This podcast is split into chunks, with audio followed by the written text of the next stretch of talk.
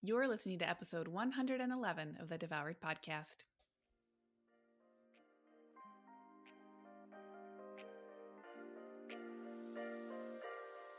Welcome to Devoured, the podcast for women ready to release the title of Dieter for Good. I'm your host, Lucia Hawley, and I'm a certified nutritional therapy practitioner with my master's in social work, clinical mental health.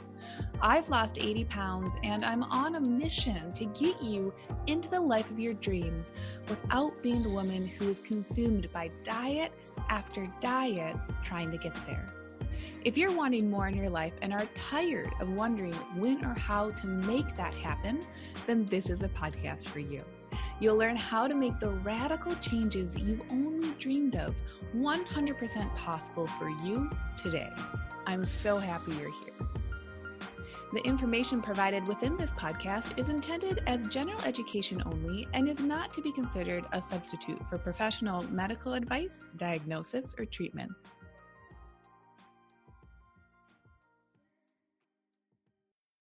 All right, party people, pooper poppers.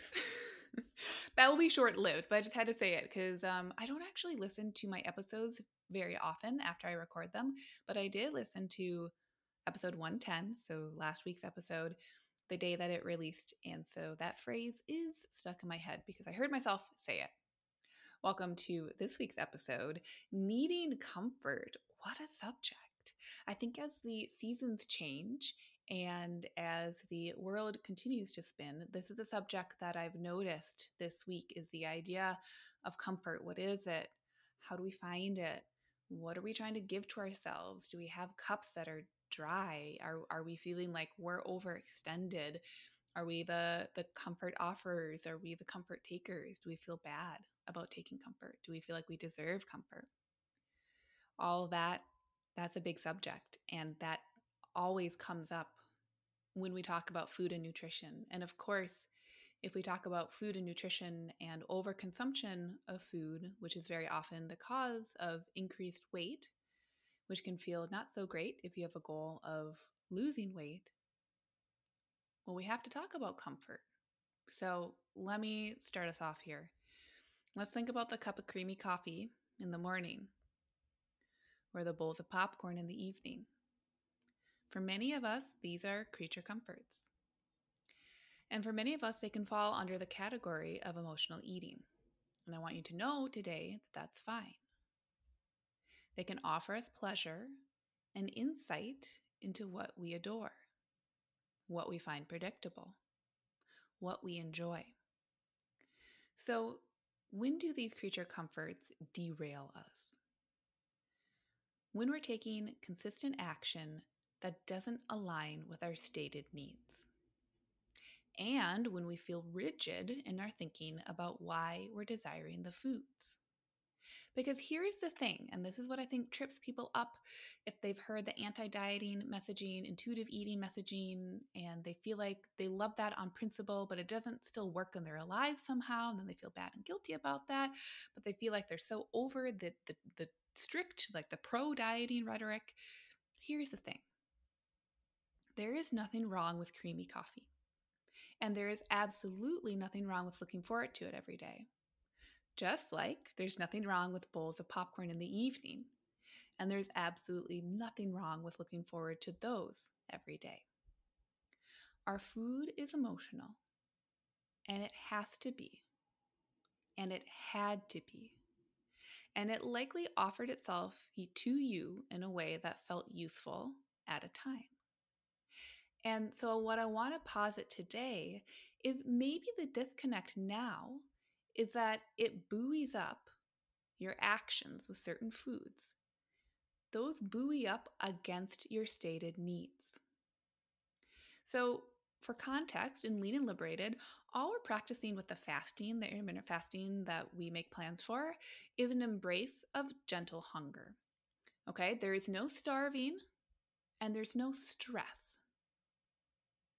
We're not not eating for the sake of not eating. That's gross. You can make fasting a diet. I will always say that because it's 100% true. We don't do that though. So there's no starving and there's no stress, but there may be brain tantrums. There may be all or nothing thinking. And that, both of them, typically come back to needing comfort. Now, I'm going to use myself as an example for this, okay? You've probably heard on recent episodes that I recently have come off of coffee and chocolate, and that's not a new theme for me. Go listen to the episode. that has coffee and chocolate in the name. It's in one of the early hundreds. I've come off of those. And so we all have our own iterations of what's happening here. Anything I talk about on the podcast is from personal experience, right? I've lost the weight. I have the loose skin. I have stretch marks. I have foods that I love. I have foods that I don't want to love. I have foods that work well for me and some that don't work as well for me. And I hold space for all of them. And then I talk about it here because I know it's a trip. Okay. So I'm going to use myself as an example. I want to talk about why chocolate, which is a fermented food, and I'm sensitive to yeast. Okay, so it's not just the chocolate itself. I actually have a um, a, a, physical reaction, and it's minor. I'm not. It's not a true allergy, but it's it's present. Why chocolate was a comfort for me, and that is because I have a lived experience and belief about my energy needs as someone with Hashimoto's. Hashimoto's is an autoimmune attack on your thyroid gland.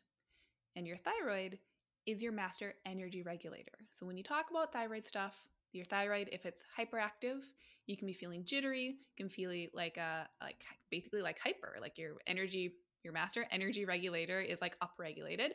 And on the flip side, if you're feeling hypothyroid, you can feel like you don't have enough energy. Or that when you do hard things, then you pay a big price for it. Okay, so I have a lived experience and belief because of those lived experiences about my own energy needs as someone with Hashimoto's. So, not only does the sugar and chocolate give me quick energy and is delicious, yo, that's there, but the theobromine, which is similar to like caffeine in coffee, the theobromine activates something in my body that I believe I need in order to get through my day. For a long time, I felt that coffee and chocolate were the two vices I would allow myself.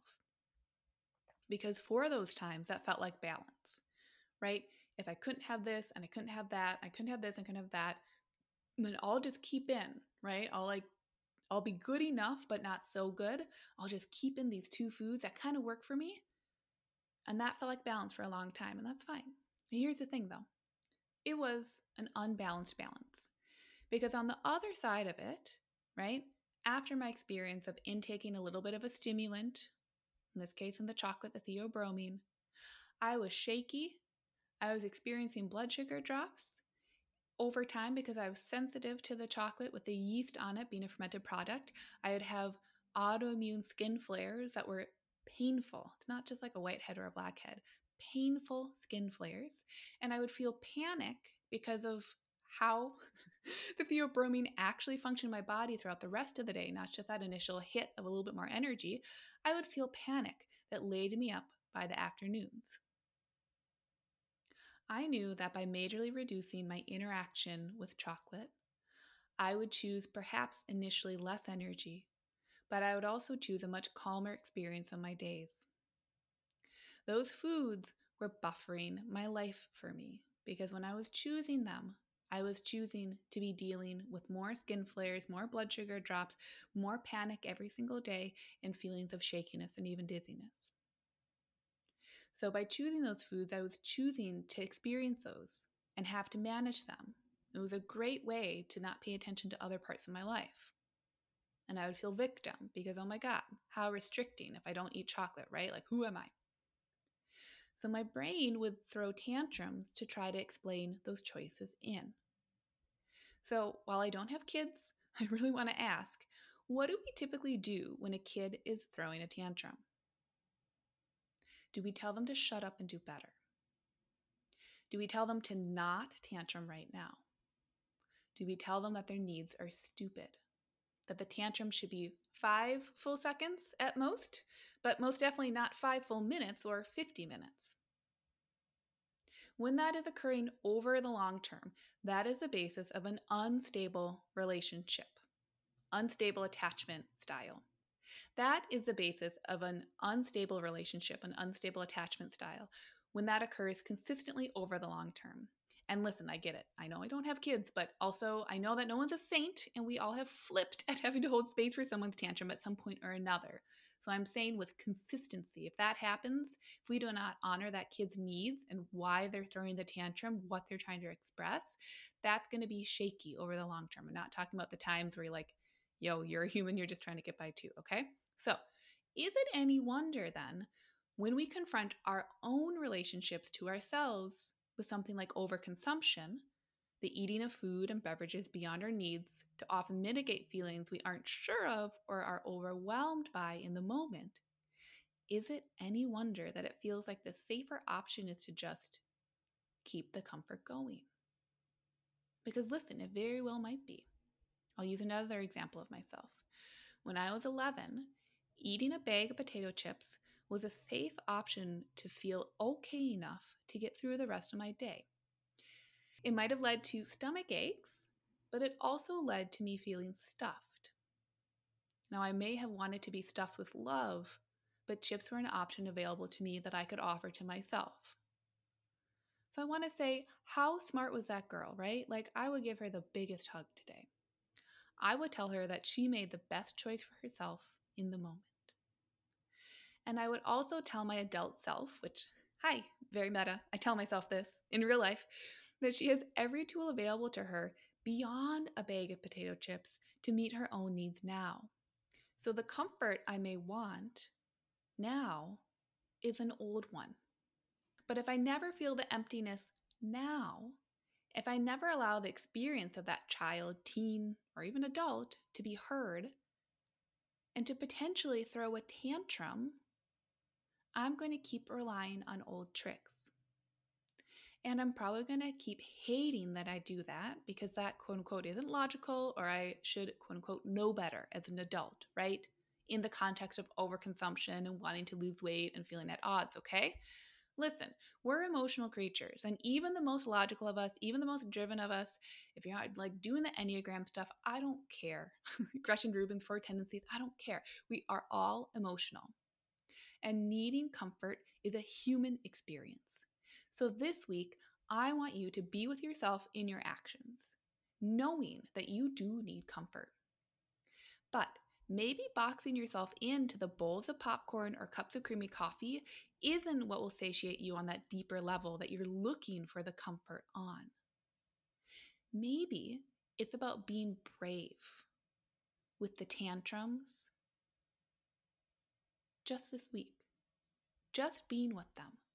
Not trying to solve for them, not trying to outlogic yourself, not trying to make a plan that looks good on paper so you can do it for the sake of doing it. Let your brain take the space that it needs, trusting that that is all it's been looking for this entire time. That you have the capacity for every feeling you could ever experience, and that nothing has gone wrong that you are whole and complete on the good and the bad days because there are going to be good days and there are going to be bad days. I really want you to try that out this week. To all my friends listening, I need you to take the space you need.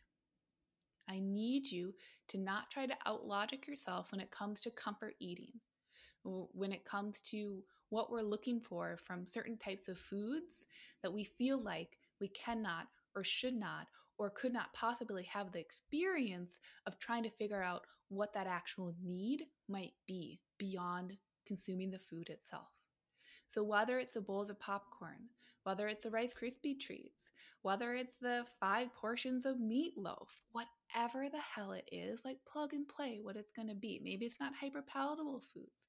Maybe it's more foods that just are beyond your needs in the moment. That is what's happening for a lot of us when we are in a place of overconsumption or when we're in a place of saying this food in actuality and reality does not make me feel so good in the moment why do i dot dot dot why do i continue to eat it continue to drink it why can't i why do i not give a rip about coffee unless there's cream in it but why do i feel like i have to have that in the morning why do i feel so lonely after dinner Why am I scared of being hungry? What is a tantrum or the emotional experience that I'm looking to avoid? What is the actual comfort that I, as a human with real human needs, require right now? If you allow the space for your brain to play out the thing that you've been numbing or buffering away from, guess what? You will feel the feeling in the moment and it will be big potentially. You don't have to kid yourself. It doesn't have to look cute. But probably up until this point, it still hasn't looked cute. it still hasn't probably really worked for you. You might have just been getting by. And I want to remind you, again, as someone who has experienced this quite a bit, is absolutely beautiful that you found a way to take care of yourself in a moment. And all that might be happening right now is that you no longer need to take care of yourself in that way. It might have been adaptive at one point, and now it's maladaptive. That mal does not mean bad, it just means it's no longer fitting for the moment. So you get to be the brave adult in a scary world who offers to herself the ability to say, I'm going to listen for my needs and I am not going to judge them. And if I do, I'm going to hold space for myself in that. I'm going to let it be because when we let those feelings be, that's how we begin to process and move beyond these actions that we think are not so great. So, the first step is remembering that nothing has gone wrong, that you are whole and complete on any day. That you have the capacity for every feeling you could ever experience. If you don't believe me yet on that, that's okay. But you do have the capacity for every feeling that you could ever experience. You can trust that you can take the space that you need for these experiences because of the reality that nothing has gone wrong. I want you to try that out this week, okay? Take the space you need.